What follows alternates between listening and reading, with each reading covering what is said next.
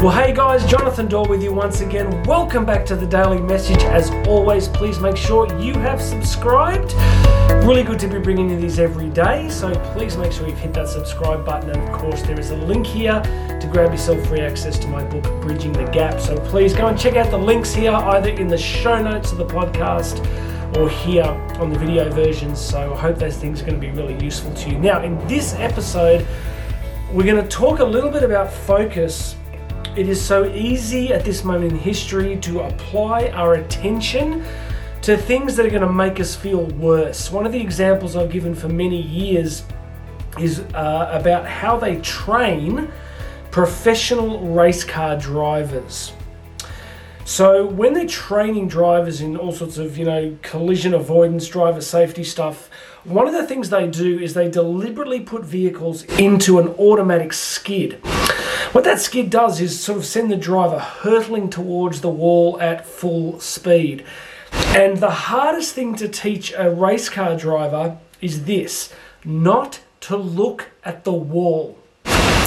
Because the minute they begin to focus on the wall, their actual body posture and position begins to move the steering wheel and they drive the car into exactly the thing they're trying to avoid. So the metaphor here is that how we use our focus in life is going to have a huge impact. So, when the metaphorical wall appears in your peripheral vision, now that metaphorical wall can be a relationship problem, a health problem, um, you know, difficulties in career, all these sorts of things, is we tend to immediately focus all our attention on the negative outcome.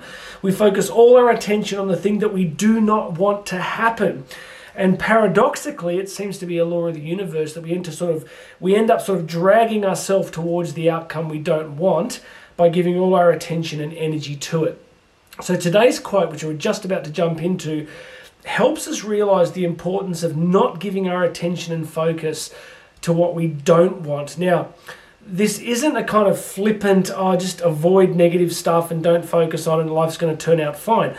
Of course it won't. Like there's things that we that are coming towards us that are difficult that we do need to focus on. We need to be aware of them and proactive. But I think what today's message is about is allowing those things that we don't want in our lives to fill our consciousness so that we somehow paradoxically attract the thing we don't want. Okay? This plays out in so many different ways. Often somebody who's had a bad experience in relationship will be totally focused on never attracting that kind of person again, right? So where's the energy going, right? Rather than focusing on the kind of person they do want, they focus the energy on the kind of relationship they don't want. So it's a pretty simple message. It's just that, you know, the old Tony Robbins idea that where energy, where, where focus goes, energy flows. So where we place our attention and focus is going to shape and impact a fair bit of our experience. But for now, let's jump into today's quote. Let's do it. There is a great difference between resisting evil and renouncing it. When you resist evil, you give it your attention and continue to make it real. When you renounce evil, you take your attention away from it. Now is the time to control your imagination and give your energy to what you want and give your attention to what you want. The reason I shared that quote is because at the time of recording this, there's so much negative news in the world, there's so many dark, difficult, horrible things happening. It's almost as if we can build our lives around a sensitivity to all of the darkness, right? So, whether it's COVID or global conflicts or supply chains or inflation, you're never going to run out of things to absorb your negative attention. Again, I don't mean that we don't pay some attention to them, that we do sensible, proactive things to uh, distance ourselves from the challenges that we face. But what I'm getting about, what I'm getting at is when these things become overwhelming, when all our energy and attention goes there. So let's wrap all this up. First metaphor is the metaphor of the race car driver that as difficulties come towards us in life, if we relentlessly focus on all the possible negative permutations of what might happen, we're far more likely to manifest them and create them in our experience. So it's not a frivolousness, it's not a disregard for reality. It's just, okay, reality's happening, there are certain difficulties, but if I'm going to channel all my attention and energy to what could go wrong, I'm basically going to empower the negative circumstance.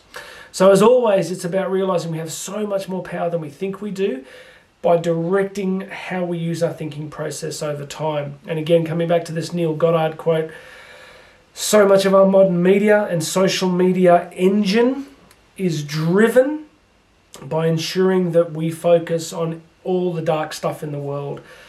So, while we do want to be sensitive to human suffering and do what we reasonably can to ameliorate it, to alleviate it, we also don't have to set up camp in a world of negative outcomes and horrible stuff happening anywhere. So, I guess the essence of this message today is to just take some control and power back over where your focus goes on a daily basis.